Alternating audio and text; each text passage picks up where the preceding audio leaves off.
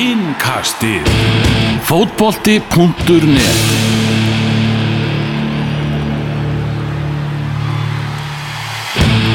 Eftir leiki helgarni í ennsku úrvarsleitinni er Liverpool með áttastega fórskot á toppnum, þrúett sigur einlagsmeistur Martin City í gerð og City sittur í fjórða sætinu. Það er viðandi í ennska yngastunum þessunni að við förum Liverpool leiðina, hinga til minni komnir þrýr Liverpool menn, gallharðir, Einar Mattis Kristjánsson, Sigursteð Brynjarsson og Magnús Þór Jónsson og við ætlum að krifja leikin í gerð og, og leiki helgarnar. Strákar, það er ótt verið leiðilega að vera Liverpool maður heldur en okkur þetta í, í dag.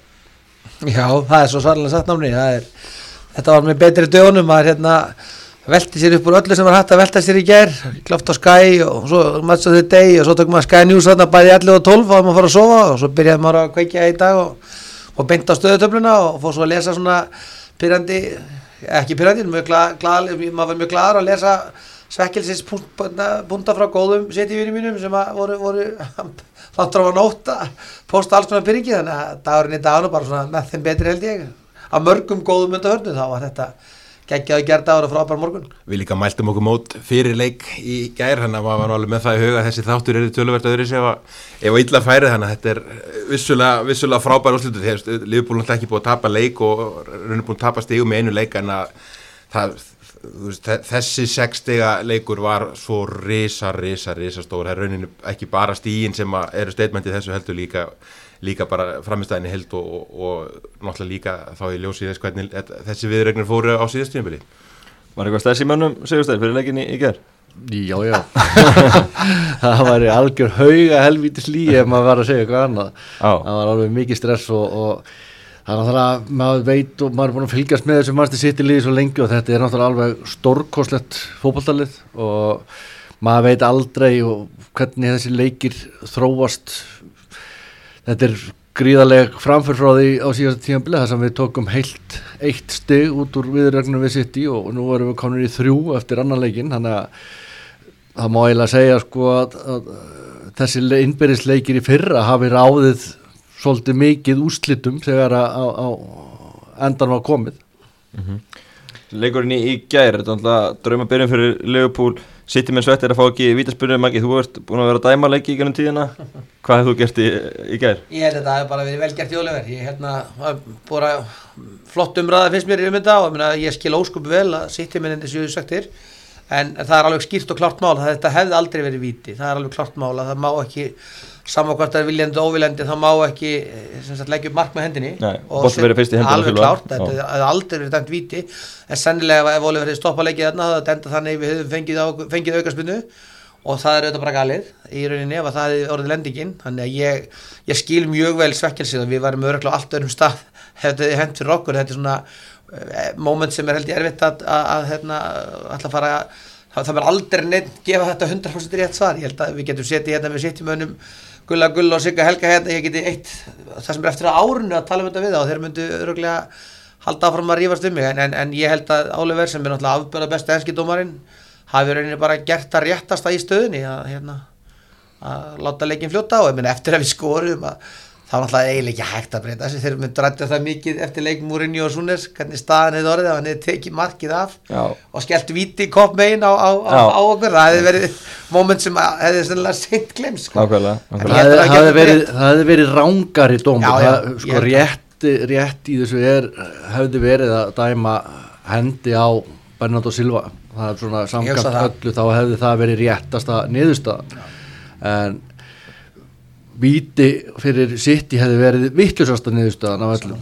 En, en réttasta hefði klárlega verið bara hérna, að hefði verið dæmt Þa, Þá út af, út af þessum nýju reglum var þetta hendi í sóknar, sóknarækjum það bara ef það er eins og Liverpool hefur lendið á móti United ef það stríkur í sóknarækjum stríkur höndina í aðranda marg þá er það bara dæmt af. Já, já. það er nákvæmlega á við þessu tilvíkið það hýtur eiga við aðranda vítarpunni líka sko. alveg samanlega, já ég meina við skiljum alveg, skiljum alveg ergelsi sittimannana það má alveg segja að þarna hafi hefnin svo sannlega verið Leopold megin, ég hef ekkert verið að kvitta undir það að Leopold sé að búin að vera neitt hunda hefnir í, í undafarið þrótt fyrir svona uh, late winners í þessum leikum að þá hafi það verið að, að svona uh, ná þessu í gegn með þrautsegju og það hafa, jú, fallið með hlutir en það hafa líka fallið hlutir á móti liðuna, þannig að þetta, þetta var klárlega fjall afskaplega vel með okkur þannig og svo kannski bara fyrst mér líka stolti sko það finnir þér eða ekki finnir það já, svo allt inn í umræðinu ég held að Guardiola er sjálfur sniður og allir síðan þá fara að tala um að fyrsta markið í svona leik breyti öllu. Ég er ekkert endilega samfélag því það er búin að 5 mínútur að leiknum og liðin svo City hefur verið að sigla yfir liði í gegnum tíðana. Þannig að ég held að City með líka hvað ég ætla ekki að segja að tak, takið the easy way out en allt í náður umræðan bæði háluleikja sem ég var að horfa á þetta með kompani þar sem þeir svona tala um þetta veist, þetta hafi verið eitthvað úrslita atrið í leiknum. Ég er ekki sammála Þeir, þeir líka bara minnast ekki á hendina hjá Silva, alls það er ekki, alveg ótrúlega ég, ég er ekki, runni, alls sko. ekki sammála því að þetta verður líkildin en þetta þetta stórt atvik og, og, og allt það en ég steinir sammála um það að mögulega átti Liverpool og aukarspunni en, en í ljósið þess hvað gerist það, það líka verið tólti kjánalegu dómur. Já, En haldið að, að var sér farið að trubla og mikið eins og þannig að City-mennin hafi bara rauninni búist við því að þið verið að fara að fá víti? Það hefði einhverju liti ekki ég, haldið áfram eins og Aguero fyrir strax einhvern veginn á hverta í staðin fyrir að halda momentinu áfram? Ég, það er nú bara eins og með annað, ég, mér finnst þetta, þetta var dæmi rosalega skríti, ég meina þú bara alveg sama hvort að, hvort að þú þetta er bara sama og með þegar að þú ert tæpur rángstæður áður en að var kom til að þú klárar allt dæmi þangar til að það er búið að dæma. Og það er alveg sama með varið. Mér finnst það engin afsökun að menn hættu og búist við varinu. Þú hlýtur bara að klára öll, all, alla svona leikþættina inn á vellinum og síðan kemur ljós hvað það er dæmt. En síðan er var aftur á móti bara önnur umræða hvað, hversu mistarar eða þeir verðast alltaf að reyna að fokka þessu upp hérna Ég ætla samt að fá að segja það að mér fannst þessi leikur og auðvitað, auðvitað veit ég það allir sem haldi ekki með Liverpool bara æla yfir mig núna. Mér fannst aftur á móti Oliver útfara þetta vel í ger takiði munin á þessu momenti eða í tóttina sefildun öllleiknum þar sem voru að tekna fjóra mínútur í að skoða svona dæmið saman til rangstöðun og sala eða þetta þarna, hans, bara Oliver er greinlega með á eirunum og tekur bara ákvörðuna þetta, er- þetta það, það, er ennþá, það er ennþá verið að endur sína í sko markið þarna og þeir náttúrulega eru beintengdir inn á vellinum veit ekki ennsku lýsindunir þannig að þeir eru að segja manni með offside- með, meðan að hérna, þetta er í gangi að það segja þér það er búið að challenge að þetta verður mark og þetta er, veist, eitthvað svona. Þannig að mér fannst að Oliver tæknilega gera þetta vel. Líka í setnalaug það sem er sportið fyrir hendina á trend það sem að ég er að setja í vendi þá líka og viti hann líka bara gera það á einhverjum 57 sekundum sem hann alltaf er líkill og hann alltaf bara síndi aftur hann er bestur í Englandi út líka á þarna. þetta gengur þetta. Var er ekkert að klikka.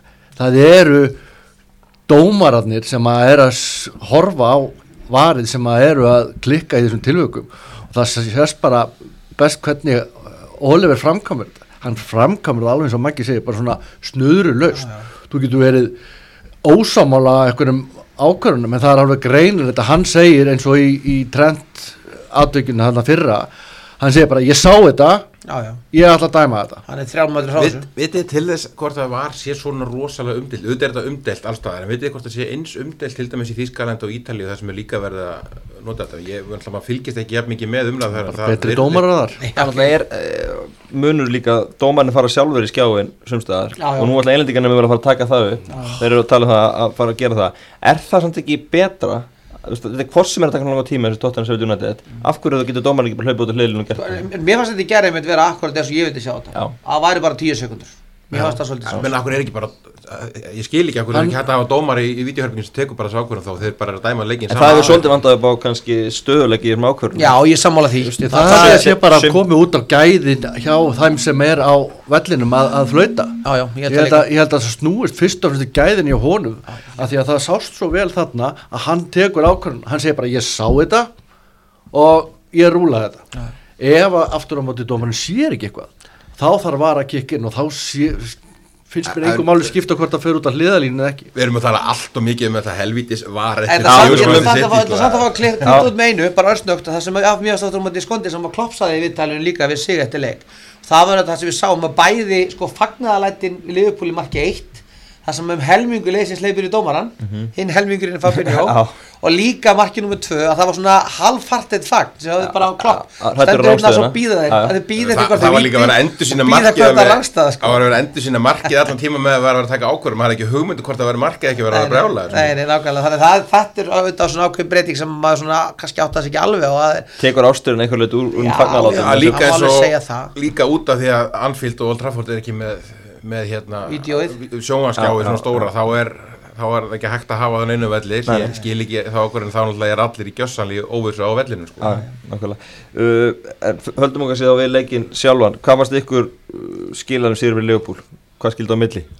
Þetta er alveg bara hildar framistæði hjá liðinu, liðinu sem bara liðsildi var, var algjörlega frábær, það er eiginlega allir, allir leikmenn liðsins sem er að fá stórt kredit, við til dæmis eina, eina svona óvissan fyrir leik hjá Liverpool var hvernig þið myndu stilla upp á miðjunu, það væri rauninni bara Henderson sem var náttúrulega veikur í síðustu viku og er svona kannski um, umdeldasti leikmaðurinn að það tala, segja svo leiðis, þetta er það sem við köllum svona yðnaða miðja í þessum leik og það er bara þeir áttu bara frábæra leik. Henderson þegar það sést mikilvæg hans best þegar hann fer af velli, hann náttúrulega kemur frábæra stóðsník og er, er að venda mjög vel trend í bakverðunum og þeir ég heldur að við þurft að breyðast við á, á, þrennum mis, mismunandi hætti eftir, eftir að fyrir út af en svo líka náttúrulega rosalegur rosalegu munur með við leikina á síðastíðinbili að Fabinho var ekki byrjunlegin í kvorum þeirra á síðastíðinbili og hann er bara alveg suttalega mikilvægur, hann náttúrulega stoppar rosalega af þessu sóknum, hann er heldur, heldur tempóin ágætlega og svo er, ef er að bæta við svona, svona rosalegu sleggjum í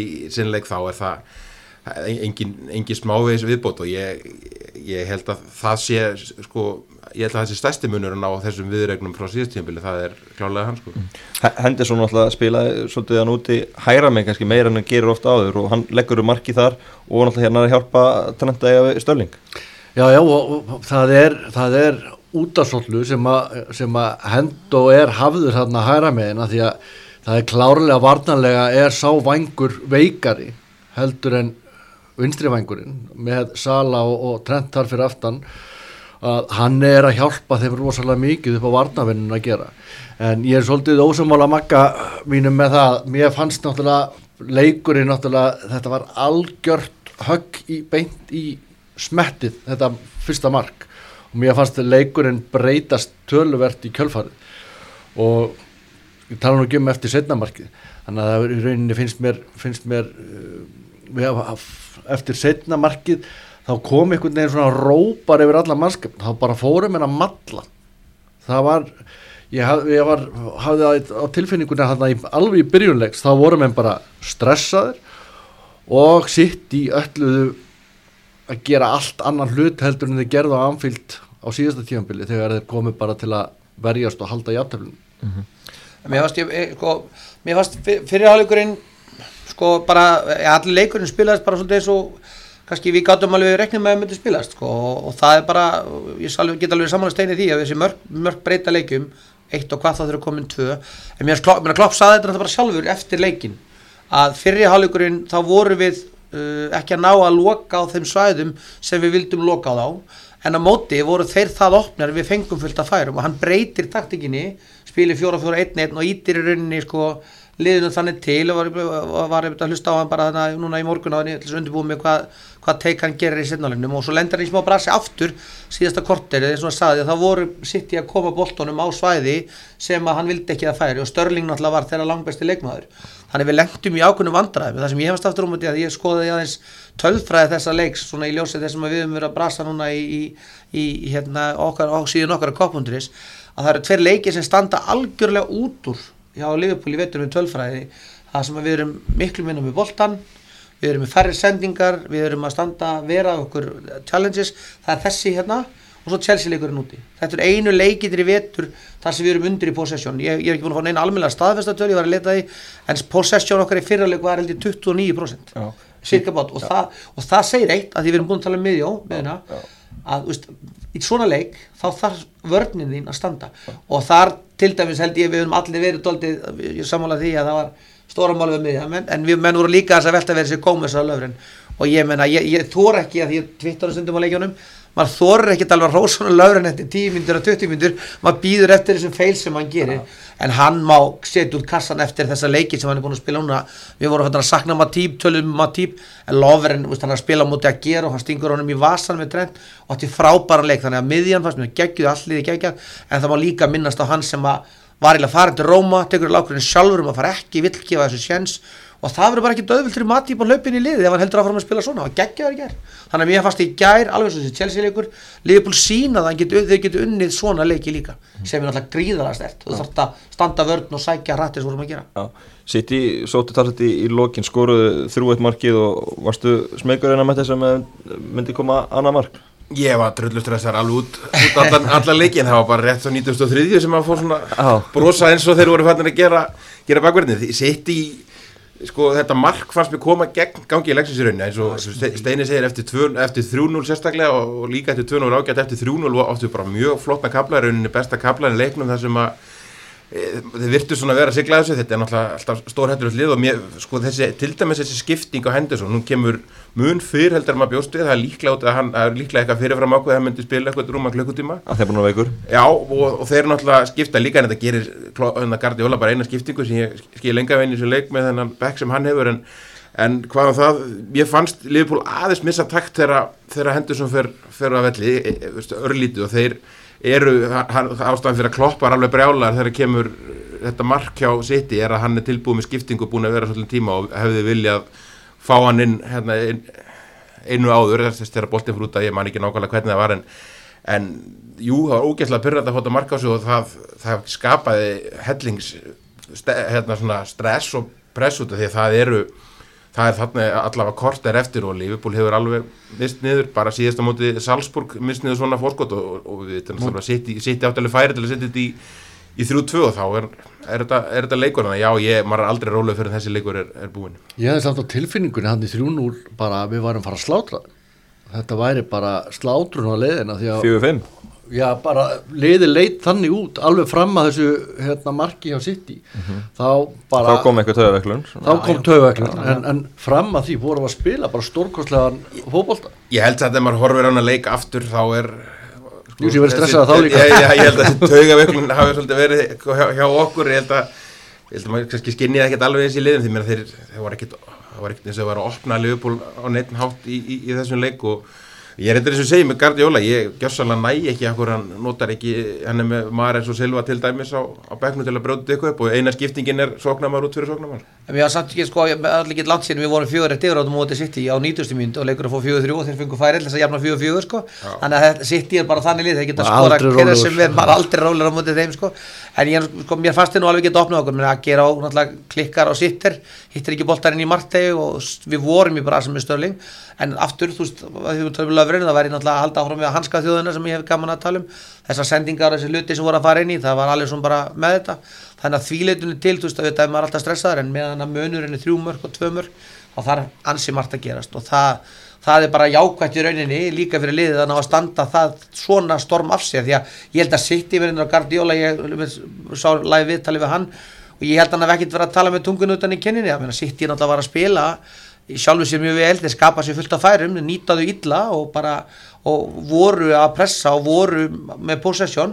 En, en á móti þá voru við bara held ég með þessu kloppsaði, við vorum með leikinn það sem við vildum og það Gangur leiksins er að það náttúrulega var frábær fótballtalegur gleymi stundum, þetta var ótrúlegur fótballtalegur maður pæðir ekki því með maður horfir á hann en sko hraðinn, heldar snertingarnar og lætin þá var þetta bara gæða fótballtalegur þegar Rói Kíni farin að rosa sko liðupól og í saman það segja svolítið margt þannig að mér finnst þetta bara frábær fótballtalegur tveggja langbæstu liðin í þessari deild sem eru vel stýrt á báðum vendum sko. Það má líka segja bara gangur leiksins bara þegar mörkin koma þessu steini hefur verið fyrstu fimm minnur mikill í pressu, Já, já. gangur leiksins er alltaf því fullkomin fyrir, fyrir Leopold náðu þessu 2-0 strax það setur róa náttúrulega rosalega, rosalega taugarnar. Og það líka, maður sá það alveg á, á síðustu 20 eins og segja, setja komið ágættis áhlaup í, í restina, ég væntalega omötur að maður aðeins í stressinu meðan leikstendur en, en þeir voru líka orðinu vel þreyttir svo sem bæði liðin það, Já, já. þessar fyrstu 70-75 tóku greinilega rosalegt rosalegt púður á það var frábært að Liverpool sé að að gera þetta líka við þetta frábæra City-lið eins og, eins og það hafa ger, gert í flestu leikjum og það er ekkit tilviljun að er skora langt flest mörk þetta lið svona undanfærin tvö tímabil á eftir 750 myndir sko, og, hvað, og hvað þá í uppátt tíma sko. stór skörði í City-liðinu Ederson alltaf ekki í markinu, Claudio Bravo leysa hann á hólmi og svo vantar bæði Bernard Mendy og Sinchenko í, í vinstri bakgrunn Angelino kemur þar inn Hefði leikmyndir orðið önnur ef, ef þeir hefði verið með sterkara menn í þessu stöðum? Þe- Þeir eru með sko 50 miljónir í mendi sem var alveg leikfær og þeir gátt alveg notað henni eða hefðu bara vilja hann og treystunum í það. Og þeir eru með 60 miljón punta Cancelo bakverð og bekknum. Þetta er bara ákvörðin stjóran sem notaði að gera þessar leikmenn og, og Sinsenko ef að hann er einhver risa miss, missi fyrir þá og sem einhver stór breyta þá er bara klæn, jafn mikið því okkur sko, fjárverðar sem búin að vera allt tímabilið og þeir grétun ekki smá við þessum markmanns meðslum og það er bara svona með á, á þess að hafa neina, neina hérna, kaltæn í því að á þess að taka fram að Liverpool eins og hann benti nú á hérna í Sky stúdíónu að Liverpool er búin að vera á síns markmanns fyrstu áttalegina Kompani vildi meina að, að Leopold myndi höndla illa eins og sitt í að vera svona án líkilmanna en þá rak kín ofan í hann að, að það vantaði bæði Matip núna og, og Alisson misti af fyrstu átta leikjum tímabilsins þannig að og ég held að það sé, held að það sé kannski góð spurning Maggi, ég held að það sé alveg klárt mála að hérna sko sittilið er bara ekki nógu gott varnalega og þú veist þeir vorum við að tala um það Það er nefndum ekki Laporte sem alltaf þeir eru Já, já, Laporte klárlega, þeir sakna, ég ætla að mynda að vera að segja, þeir sakna hans klárlega, en það, að, eins og þeir rættu þetta í lýsingunni, Neville Carragher og, einn ágætti Tyler sem maður hlusta hann ekkert mikið á, að City skildi ekki hafa kipt Virgil van Dijk og hafa ekki gett neina tilurinn til þess og það hafi einhvern veginn ekki litist á hann, hlýtur að vera eitthvað sem er hlægilegt, ef hann var í þessu liði þá var þetta alltaf bara búin að vinna allar keppnir í heimi. Það væri þetta ekki skemmtilegt. Þá væri þetta bara ekkert skemmtilegt og þeir eru þarna á þessum, þessum, þessum tímapunkti gerðin og það klárlega með bakverð sem hann alltaf, það var ekkert bara það að Henderson væri látin vera þarna til að hjálpa Stölling þeir sáu bara svæðin sem að sá gaur skildi eftir Þegar maður kemur eftir fyrirgjóður Já, já, mynda, sko. klárlega meina, marki nummer eitt þá er hann að eldast við, við, við Sala. Marki nummer tvö, eins og Mourinho saði þetta leiki, meina, þú veist, hann gerir bara fundamental mistöku verðast á móti Sala, það sem hann gerir þú leifur, leifur hann aldrei,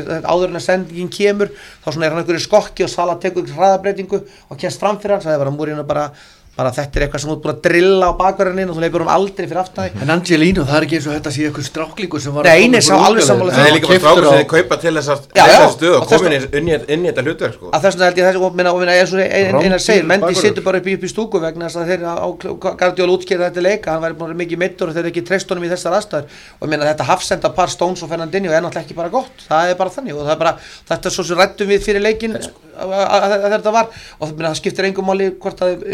breytin eða hvað það er, þetta er bara ekki nógu gott hafsenda par og Bravo er ekki nógu góð markmaður En þeir eru sko, hafsendapar ekki nóg gott með Fernandinho og, og Stones, þeir eru samt með óta mendi í, í stúkunni, þannig að það er ekki eins og sé einhver, krísa hjá þeim í meðslum, Laporte er besti leikmaður, Matip er búin að vera henni besti miðvöru Liverpool þar sem að, þá leikið sem hann hefur spila, ég er ekki líkið, auðvitað myndum við sakna Van Dijk yfir, yfir stóran kabla en, en ég, eins og bara í bæjarleikunum fyrra, það var alveg leist að, að vera án, án Van Dijk sko einn, og einn leik, auðvitað hefur verið áhrif til lengri tíma en, en Óta Mendi og Stones eiga nú alveg að vera, vera hérna miðvarðarpar sem að náttúrulega getur ekki því fókbalta Nei, ég meina hann er samt, hann miðvörður hjá já. City sem kostaði 50 miljonar pund og er búin að vinna já. titla það sko. þetta er bara eins og við töluðum um í innkastunum þegar við komum hérna fyrir tímabiliðið mitt. Það er bara, Manchester City þeir keiftu engan í staði fyrir kompani. Og það er bara að koma í hnakkan á þeim núna. Algjörlega sammála og það var akkurat bara og það er líka, alveg svo við tökum líka manni svo Rodri sem er flottur fókbaltamöður hann gæti ekkert í gær. Og það var kannski það sem að kompani var nú svolítið að segja að það var líka vontur í sitti í svona leikjum að geta ekki sett Fernandinho inn á miðuna því þar, því að hans, og þið voru að ræða það að Fabinho væri búin að taka við og besti defensive midfielder í, í Englandi.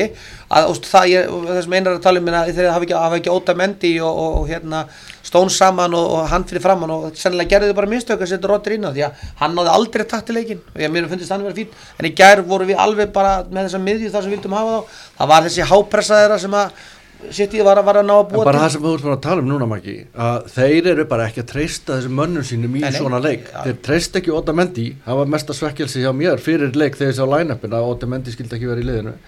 En þeir treysta ekki Óta Mendi og þeir treysta ekki Be- Bernard Mendi heldur Nei, nei. Í þessa leiki. Þannig að það eru, við erum, að, við erum að horfa fram á Jú, Bravo er í markinu sem í staðan fyrir Ederson og ég held að flestir séu sammálum að þetta sé einn af þremu bestu varamörkmunum á England í dag. Og það vantar hérna Laporte. That's it. Og það er alltaf annað sem að mér finnst líka sem að kannski í framhaldinu, það er náttúrulega líka það sem að Liverpool náði að gera sem er kannski að góða við það að hafa legið svona tilbaka að veist, liðin sem er að fara að spila við City í framhaldinu, ef þetta verður áfram máli menn að Laporte er í burtu og þeir eru þessum brasa þá eru þeir bara völnurblur í að ef við skoðum til dæmis tölfaraðin í þessum leiki núna, ef við tölum um eitthvað sem er jákvætt núna að við eigum sko fleiri skot að marki í fyrrjáleik heldur en í báðum leikjunum í fyrra. Og það er bara máli og það er þetta bara það vegna þess að þeir eru vulnerable það er, það er hægt að fara baka þess að Norvís að búa sína. Þannig að það í gær þó að Guardiola geti alveg talað um það að þeir heldur boltanum og voru að pressa okkur og voru með stemmjúkustæla allt í lagi. En þeir síndu líka, þeir eru veikir þegar þeir fara rætt á þá.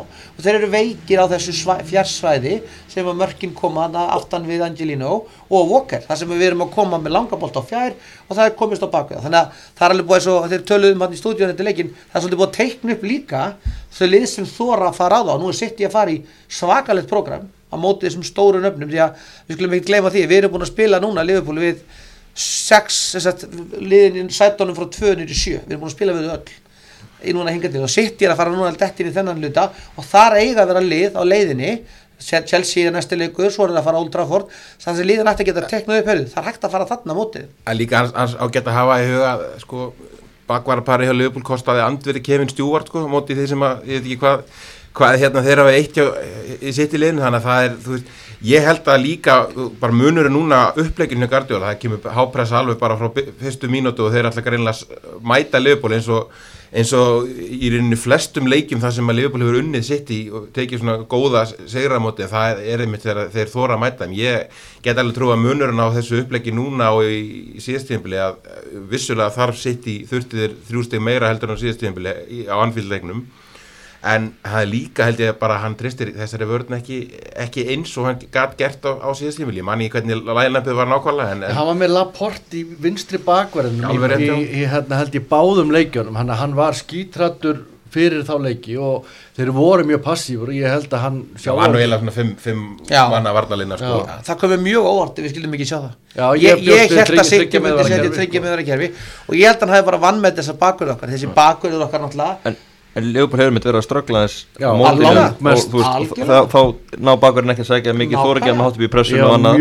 ég líka, ég reknaði alveg með því að segja um það En haldið að við sjáum þetta, menn þetta var á móti Sheffield United, þetta var á móti Genk og fleiri leikjum sem Leopold hefur strögglað á móti Chelsea- svona- Chelsea leikurinn? Já, er, eru fleiri lið haldið að fara í þetta? alveg definitely, Alveg það, definitely. það hlýtur bara að vera. Ég meina þetta er einu það, sko, þessi ógn af bakverðunum við, við þurfum reyndar bara sér podcast til að tala um þetta annamark sko. Já. þetta, þetta er náttúrulega bara Bakur og bakur og já.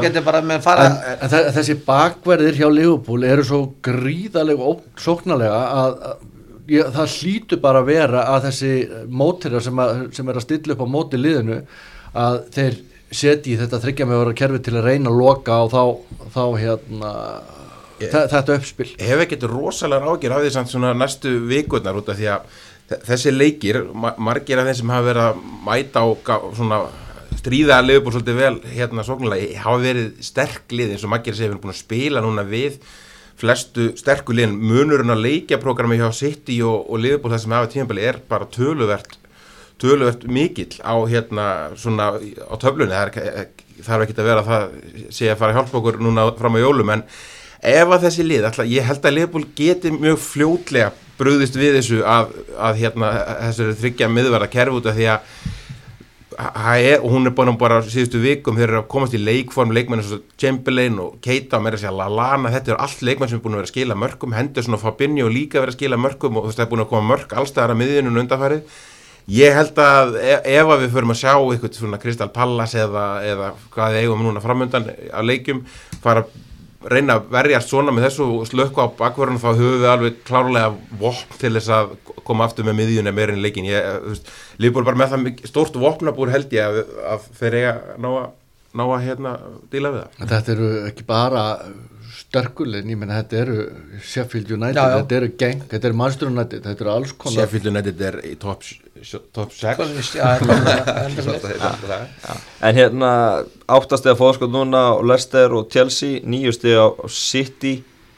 Eru þið byrjar að, fagna? Nei, en ég menna, en, en að móti þú veist, það, við, maður verður samt pínlítið að taka að það, sko, það væri náttúrulega bara ömurlegt, reynlega ef þetta færi illa, það, það væri bara ömurlegt og þetta var bara veist, gerðárin, gerðárin klárlega kemur þér í þá stöðu að, að bara þurfa virkilega, veist, það, er- það er bara stóra pressan fyrst mér núna. Og minna, við erum aldrei búin að að fagna í nóvember, það gerist Þetta voru aldrei. 60 um áramóti fyrir það Já, já, sjö og, og, sko, sjö, þessi sjör er svolítið íkt vegna þess að þeir áttu að að einn ef ekki tvo leikir til góða sko. þannig að þeir voru unna okkur þarna fjögur og svo klúruðu við lestur og vestam tveimur játtilum og þá fóruðu þeir fyrir okkur og var, þannig var það komið. En, en sko nú það voru fjögur jæftabli á okkur þarna, það Já, já.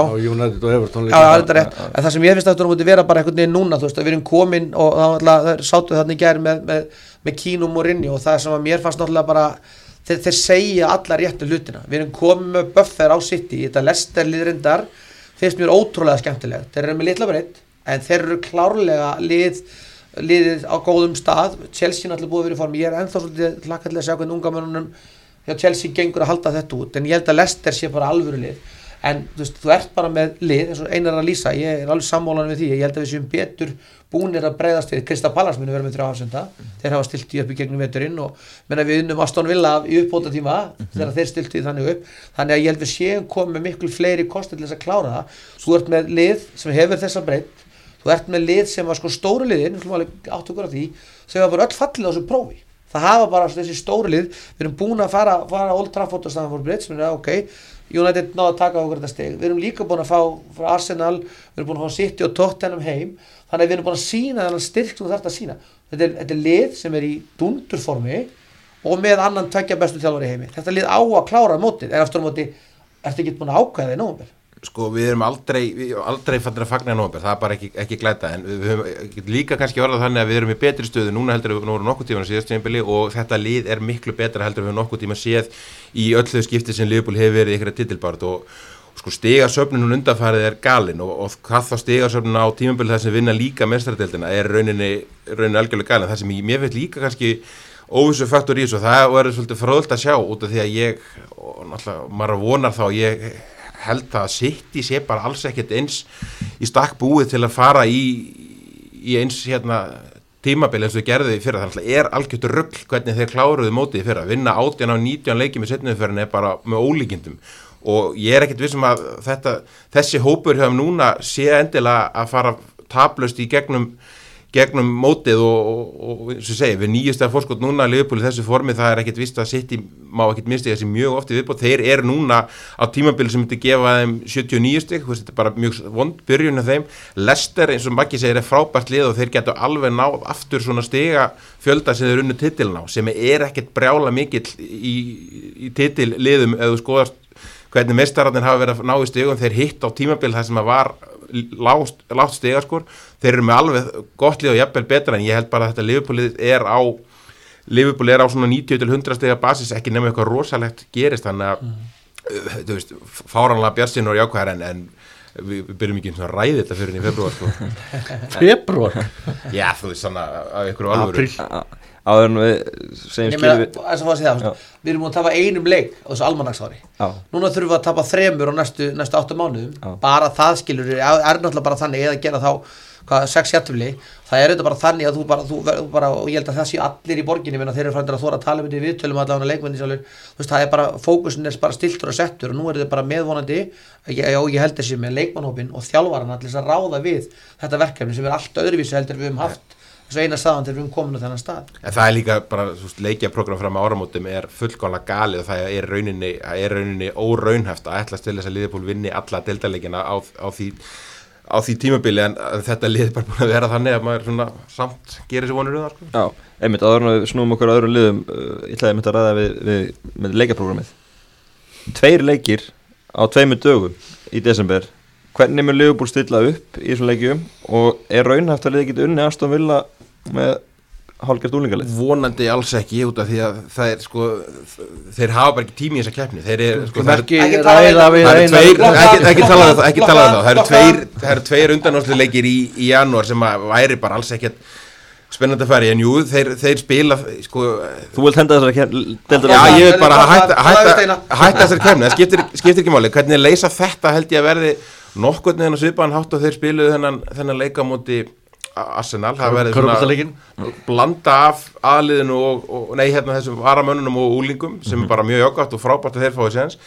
Ég veit ekki með undanúsleikin hérna í Katar að, ég held að þessi líka leikur sem hægt að taka svona kannski aðeins með vinstri það verður aðalið en bekkurinn eitthvað veikari fyrir vikið myndi ég að ætla og þá sé hægt að fljúa þeim til Katar strax eftir leik hérna í, í Birmingham sko. Þetta, er, þetta verður mjög einfalt, þetta verður bara svipa lið og vann Arsenal í, í þessum bortinisleik hérna sem að fór fram á Anfield. Og svona sambarileg samsetning, þeir eru búin að skuldbunda sig til þess að stilla upp sambarilegu liði.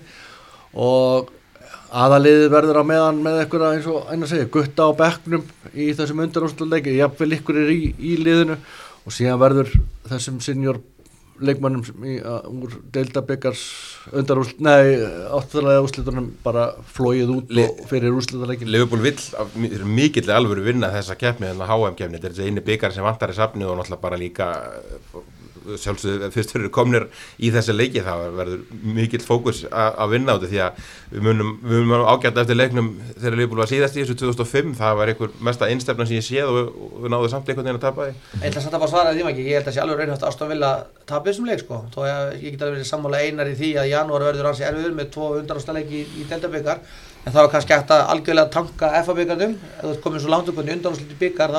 Sýtti síndu þetta samt á síðasta og það er alveg hægt að taka allar þessar keppnir alveg. En það sem að mér finnst ástunum að, að með svo aðeins, að, svo, svo við gefum þeim smá kredit þessum gaurum sem að spilu þennan Arsenal-leik vegna þess að veist, þetta var auðvitað körbóltaleikur og kjánalegu leikur leikur um mörgu leiti en þar gefum við uh, tvö mörg, bara sjálfur og eitt er ránstöðumar en á móti voru við að skapa fullt af færum og þetta eru þetta bara strákar sem að hafa ákveðið fullornast þarna. En ef við náum að rúlla upp þessum þessum, þessum nöfnum sem við fengum að vera með þau kannski vera, konum, vera með Milner, með Lallana Það var að minna gæða í stráka. villaliðinu heldur en þessu Ég ætla að fara að segja það, ég held að sé alveg klart mála að, úst, ekki það er Aston Villa er risa klúppur og þeir eru svona með blóðsund á tönnunum og er að berja frá sér og framkvæmdastörin hefur spilað þeirra aðalíðist þeirra keppni. En þessi strákar síndu það bæði í þessum, í þessum, í þessum Arsenal-leik og hafa alveg sínt það að þannig eru gæði, þetta er one of leikur, þetta er byggarleikur sem er beint í vítu þetta er 90 og þeir eru að hafa trú á sér alveg með kassan úti. Þannig að ég ætla alls ekki að afskrifa það að liðbúr slá Aston vel út þó við værum með sama lið og við vorum að spila mot Arsenal, ég er alveg raun að við séns. Einar er að leita sér að villabúningi til að vera í Egið þið ekki búin búningum. Maggi, þú hérna hefur séð tíman að tvenni í þessu. Já, gaman, takk fyrir það. Já, þetta verður hérna Þetta verður nýtt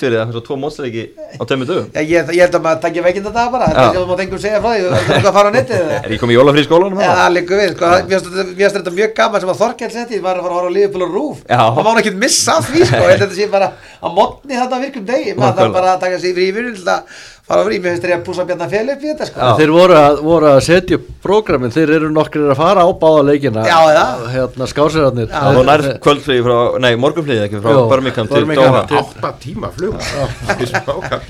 Enda flög þetta sjálfur í janúar, það er bara mjög kósi þetta er- er er er engin sessnarella sem flýður á Nei, þetta eru fína Airways, það er ekkit vesen þar sko.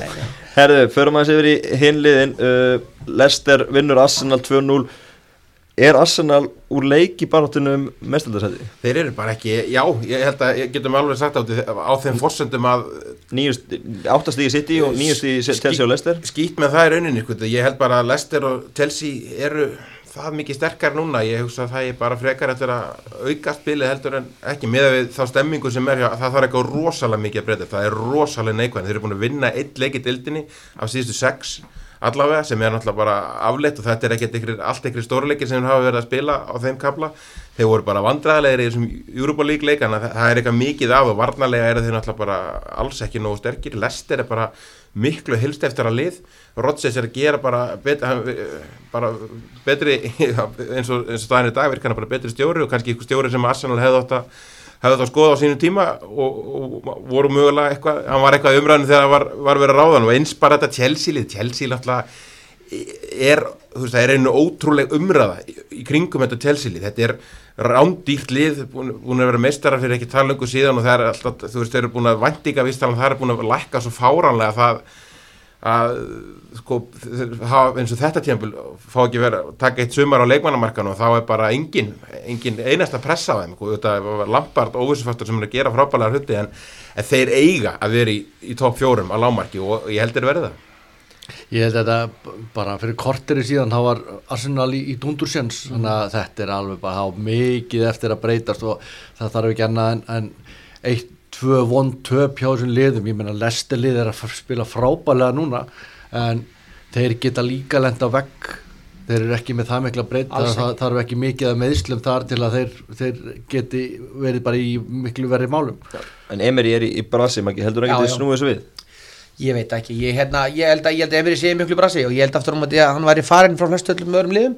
Ég held að Arsenal sé lið sem að er fyrir löngu búið að tapa identitíðinu sínu einhvern veginn það sé bara þannig, ég held að, veist, að það var þessu öllu klínt á vengar Held- Heldur að fara ekki núna í þessu landstíkjali? Menn, tala um þessum 100% stuðning. Já, já, það var það sem kom, kom í gær og það, ég held að sé bara aftur vegna þess að Arsenal liðið, þú veist, búin að vengar náttúrulega er frábær stjóri og breytti með miklu í það 100% Jó, jú, en ég held að, en sko bara Ars- Arsenal held vengur í mörg ár eftir að eftir að þetta var allt komið einhvern stað og þeir náttúrulega Emery byrjaði óskaplega vel og var svona menn voru að glæðir með hann þarna lengi fram hann veturinn í vetur er búin að vera mjög erfiður og það náttúrulega er bara veist, það, það er annað kannski sem við ræðum of sjaldan, ég held að þessi tvö lið þarna City og Liverpool í fyrra voru náttúrulega bara með fullt af leiðtóum í liðinu sínu.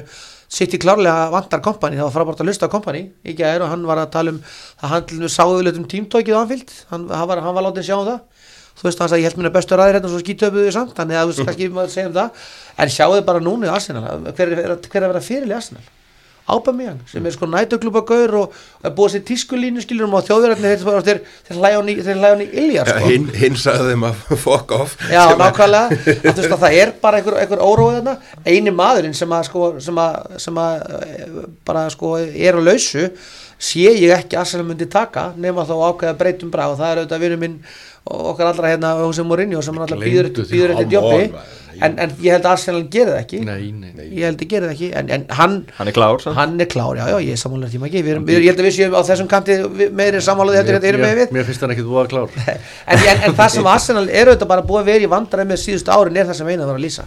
Þeir hafa ekki spilað vörn í 5-7 ár og hafa svolítið verið að svona lifa á svona einhverjum ákveðnum leikjum eða ákveðnum tímabilum.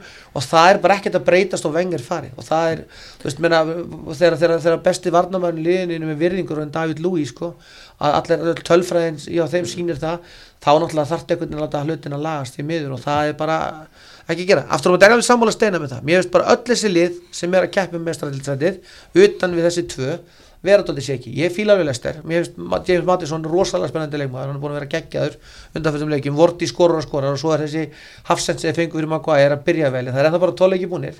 Það er að koma að leiktímabil þar sem ert að spila með eh, tveggja þryggja daga millibili. Það sem Lester klikkaði auðvitað á þessum tíma eins og einast að þau eru mestar eitthvað með 79 stig. Þannig að ég sé þá ekki lifa lengd, lengdina. Chelsea er ennþá með fullt af unguleikunni sem var líka eftir að ganga gegnum tímabil. Þannig að United er alltaf komið að gutur enn núna búið að vinna hérna einhverjum nokkuð leikir Vann einn leik- einn í röð. Sheffield á það þannig að það er svolítið bara einhvern veginn þannig að fyrir utan þessi töpp tvölið hefur maður á tilfinningunni að það séu öll liðir sem að geta tekið einhvern drönn og öll liðir sem geta bara að tapa þreymir. Mér finnst líka svolítið gaman að, aðeins með þetta lestelið og Rodgers hann, hann er nú aðeins farin að fá aftur hrós, eins og, og mætti ekki hrósónum fyrir það sem hann var að gera þetta, mér finnst þetta lestelið hann, er búin að kveikja algjörlega og til dæmis Jamie Vardy búin að afmarka bara hlutverk fyrir hann frammið, eitthvað sem að Claude Puel var að farin að setja hann á bekkin á, á sínum tíma og ég trúa því að hann er svona, þetta er svona betri útgáfan af Swansea frekar heldur en að þetta sé eitthvað nærið því sem hann var að gera hjá Liverpool En hann eh, gerði fína hluti með Liverpool að gleymis kannski svolítið að því að hann endaði svo illa. Að mann liði bara hálpað þá að vera mestari undir hans stjórn. Ég er að menna, að menna sko, það tímabil var algjörlega frábært, mér finnst þetta, samt, sko, þetta byggt á þéttari grunni núna þessi, þessi þetta lesleilið, kannski ekki ja, sterkir náttúrulega eh, leikmenn hann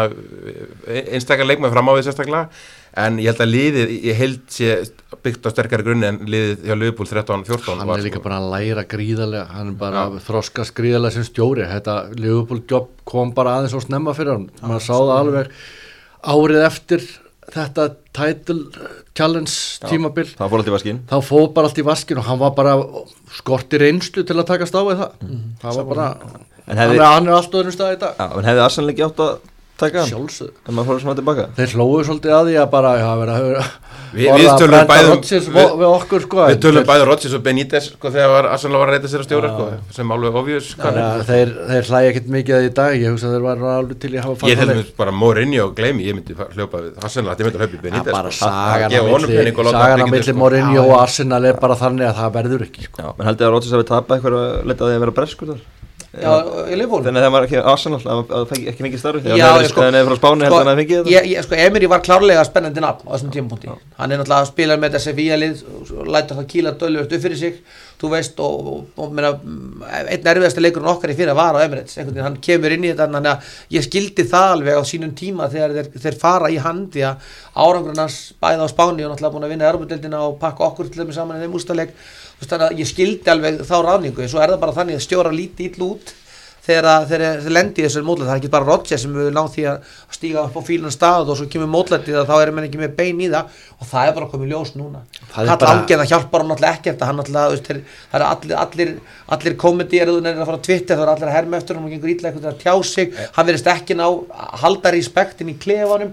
Þannig að einhvern veginn þá er það bara sem er í gangi. Þannig að Rodgers, ég ég að til dæmis líka Rodgers fer frá Liverpool og kemur til Celtic og meina skorski boltinn er sett svolítið inn í svega hjá breytunum en ég held aftur á móti að Rodgers hafi líka manna svolítið þar með því að vera að berast í þessum Európa-leikjum og þurfa að vera þar. þannig að ég held bara að Rodgers hafa aldrei verið einhver kostur hjá þeim þá. Ef við sko líka vera alveg sangjarnar aðeins varandi Rodgers að hann mun líka líti út eins og fíbl ef þeir selja Jamie Vorti og kaupa Balotelli og Riki Lambert í staði sko. Það það þannig, og, og hvað þá ef að Störrits sem að meiðist líka, þú veist, hann alltaf tímubelið eftir sem að vera hann algjör átti Harry náttúrulega Kiri þátt í var- því, Einar. Ég- Hann valdi algjör- Lambert, til dæmis. algjörlega, en hann, er, þú veist, það er lið- liðið hefði alltaf lendi í vandræðum, var aldrei að færa titil bara án Suárez og Störrits sem að náttúrulega var líka frá eða allt, allt mótið, sko 50 marka menni eða meira En þetta lítur vel út hjá honum? Tökum aðeins uh, Chelsea lið. Einar með þess vildi ekki gefa þeim neitt kredit Steini, samanlega því? Ég er, búin, að- nei, ég er búin að vera jú, ég er alveg sammála einari að þeir, þeir það er, og við vorum búin að tala um það fyrir tímabili að þeir farin í þetta tímabili algjörlega án pressu sem er eiginlega svolítið skrítið þó að þeir fá ekki að kaupa í einu leikmannaglugga þá bara getur farið bara pressuleysir inn í tímabili bæta nú samt við sig einu 50 miljón pönda manni sem Já, var ekki spila náðu leik. samt að bæta honum við. En auðvitað er þetta smá uh, svona, uh, kemur smá óvart að því við skulum heldur ekki gleyma því að þeir missa Edin Hazard sem er búin að vera þeirra langbæsti leikmaður bara í fjölda fjölda ára þannig að það eitt og sér hefði átt að vera ansi stort skarð og það verður að gefa Lampard bara stort kredit fyrir hvernig hann hefur verið að spila úr þessum hérna, spil.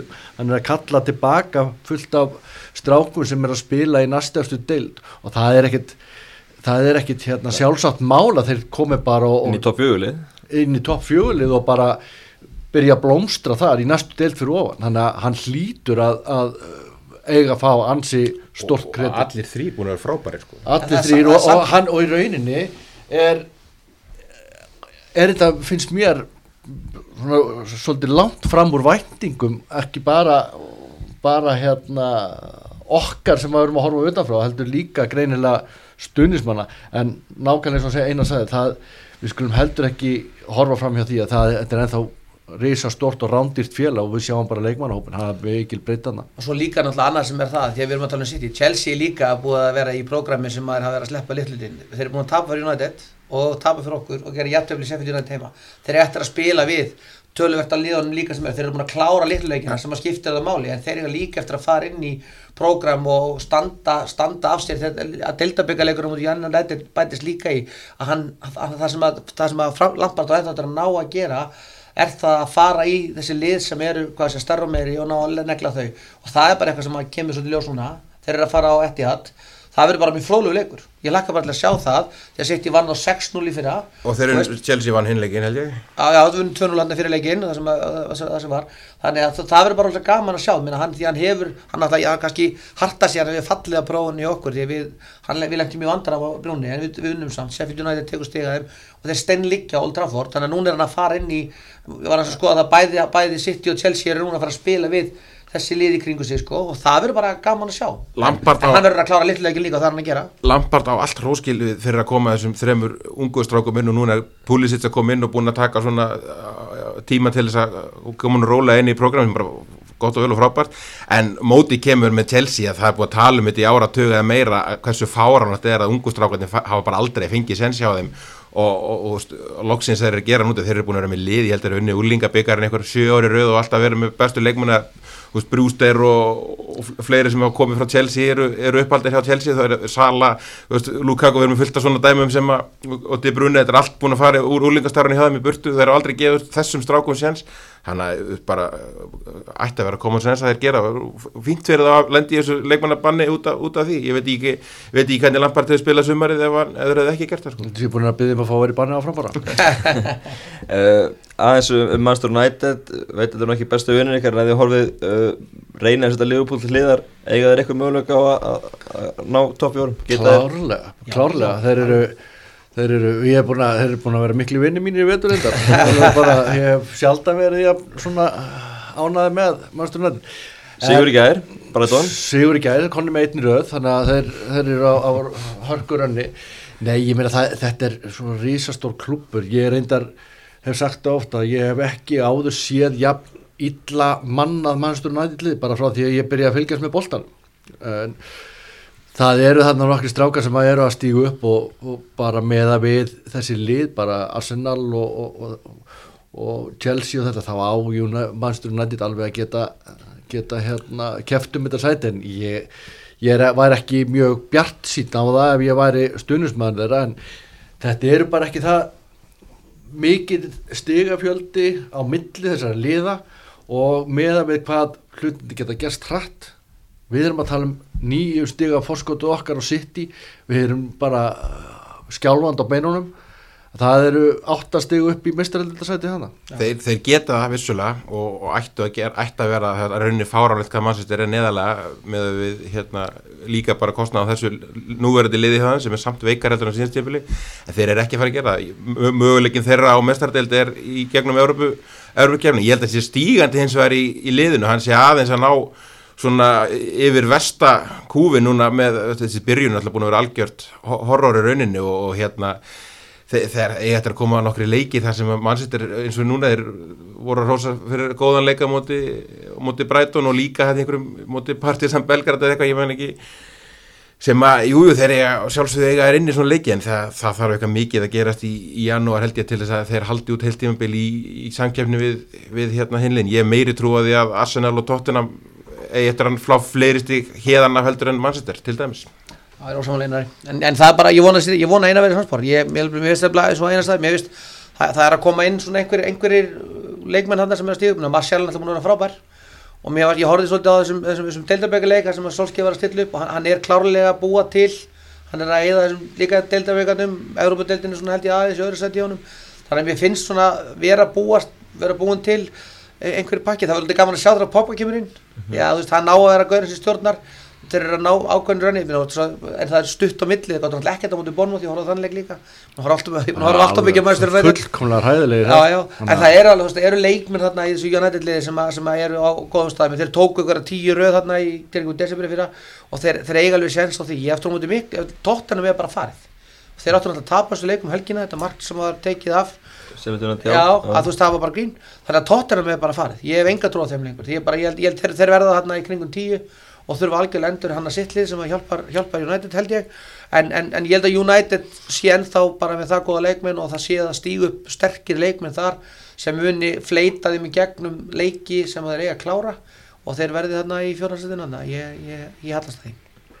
Aðeins í, í lokin uh, bóttbártan Norveig sem er sjösti á botninum Sáðantón og Votford með 8 Aston Villa með 11 þar fyrir ofan og Vestam sem búin í frálsumfalli með 13 er þetta ekki bara þrjú næstu liðin? Þú glemdir Everton, þeir eru þetta einhvers þar nálega Everton vissulega með 14 í 15 líka. Ekki glema þeir. Ekki gleyma þeim unnum, unnum helgina. Uh, er þetta ekki bara þessi þrjúlið? Votford, Sáðantón, Norveig er, er þetta ekki lið sem fara niður?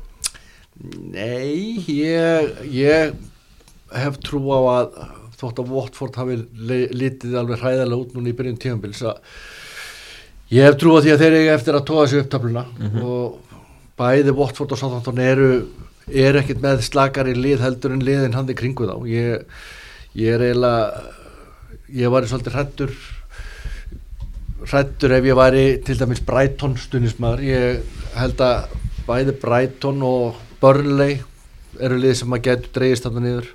Eru sjöstum frá þessu núna en, en fljótur að í þessu? Kútos á, á Steve Bruce og Newcastle þeir sé ekki, ekki inn í þessar umræði Já, ekki gleyma þeim heldur. En Þeir séu eru þar. Punturinn er að í mínum huga bara Norwich þeir fara bara beinustu lið niður. Mhm. en Watford og, og hérna Sáþóndon, þau eru bara með mannskap á pari við hinn og það þarf bara svo lítið að gerast á millu umferða til að það sé bara gjörbreytt mynd. Menn er að hoppa upp á síðu, síðu eitt núna bara hvað, eitthvað sexi sæti? Góð jólatörk getur skila miklu líka. Samt, ég held að Sándon, ég, ég, ég ætla að vera samanlega stærni með Votvort, ég sé ekki hvaða lið þetta fara þar niður fyrir, ég er svolítið sammálið því að Breitón og Newcastle getur verið þar. En mér veist Sándon verið í miklu vanda. Ég hor, ég hor, horfði á að þeirra líka að því að ég, ég þessi pressufótbolti sem að Hassan öll alltaf að spila þeir ráð ekki við hann og þú veist, Everton er bara með virðingu með lélegt lið þetta árið. Þeir eru bara ekki búin að ná sér í gang. En þeir áttu þennan sigur um helgina fyllilega skili það var bara Gunn var að halda Sáðantón inn í leiknum hans mér. Og Sáðantón, ég ætla að horfa því líka hann er hann lesterleik og það, það, það, það talandu leiðtóa, vera 5-0 undir að, að, að koma í háluleik og að setna háluleikurinn, þetta hefði alveg kláleik út að tvekja staðatala þannig að ég, ég held að, að, að Sáðantón get ekki verið mikið lengur með hann að stjóra og þá held ég að sé búið að lendi pínu brasi með það að séu svolítið komin út fyrir þægindarama sem verður erfitt að stýta tilbaka ná þannig að- í Mark Hjúsáttur og já. fer upp á við að Soundan er búið í brasi og ég það, það er auðvitað svona einn og einn leikmar á milli en mér finnst bara Soundan liði bara ekki nægilega vel mannað og klárlega að reyna að spila fótboll sem ráð ekki við þannig ég, ég held að Norwich og Soundan verða þarna og, og svo, er alltaf vandamáli með þetta vottur dæmi er alltaf bara það þú veist að það var að tala um það um helginni ef þeir eru ekki unnið þennan leik þá hefur þeir rekkið Flores þú veist að alltaf eiganda fassin í kringum Votvort er kannski eitthvað sem að gæti klárlega búið eitthvað til þar sko þannig er þeir að þeir verðast þeirra doldi svona shaky sko. En ef að Norrits er, er algjörlega dáið þá er, getur alltaf þakka þeirra framlag. Algjörlega. Frábælegt Þeir eru búin að eiga alveg galið þeirra því líkt varalið unnið þennan eina leika mútið sitt í það er ólíkindum. Algjörlega, látum þetta veða loka árin, takk ég lega fyrir spildi Takk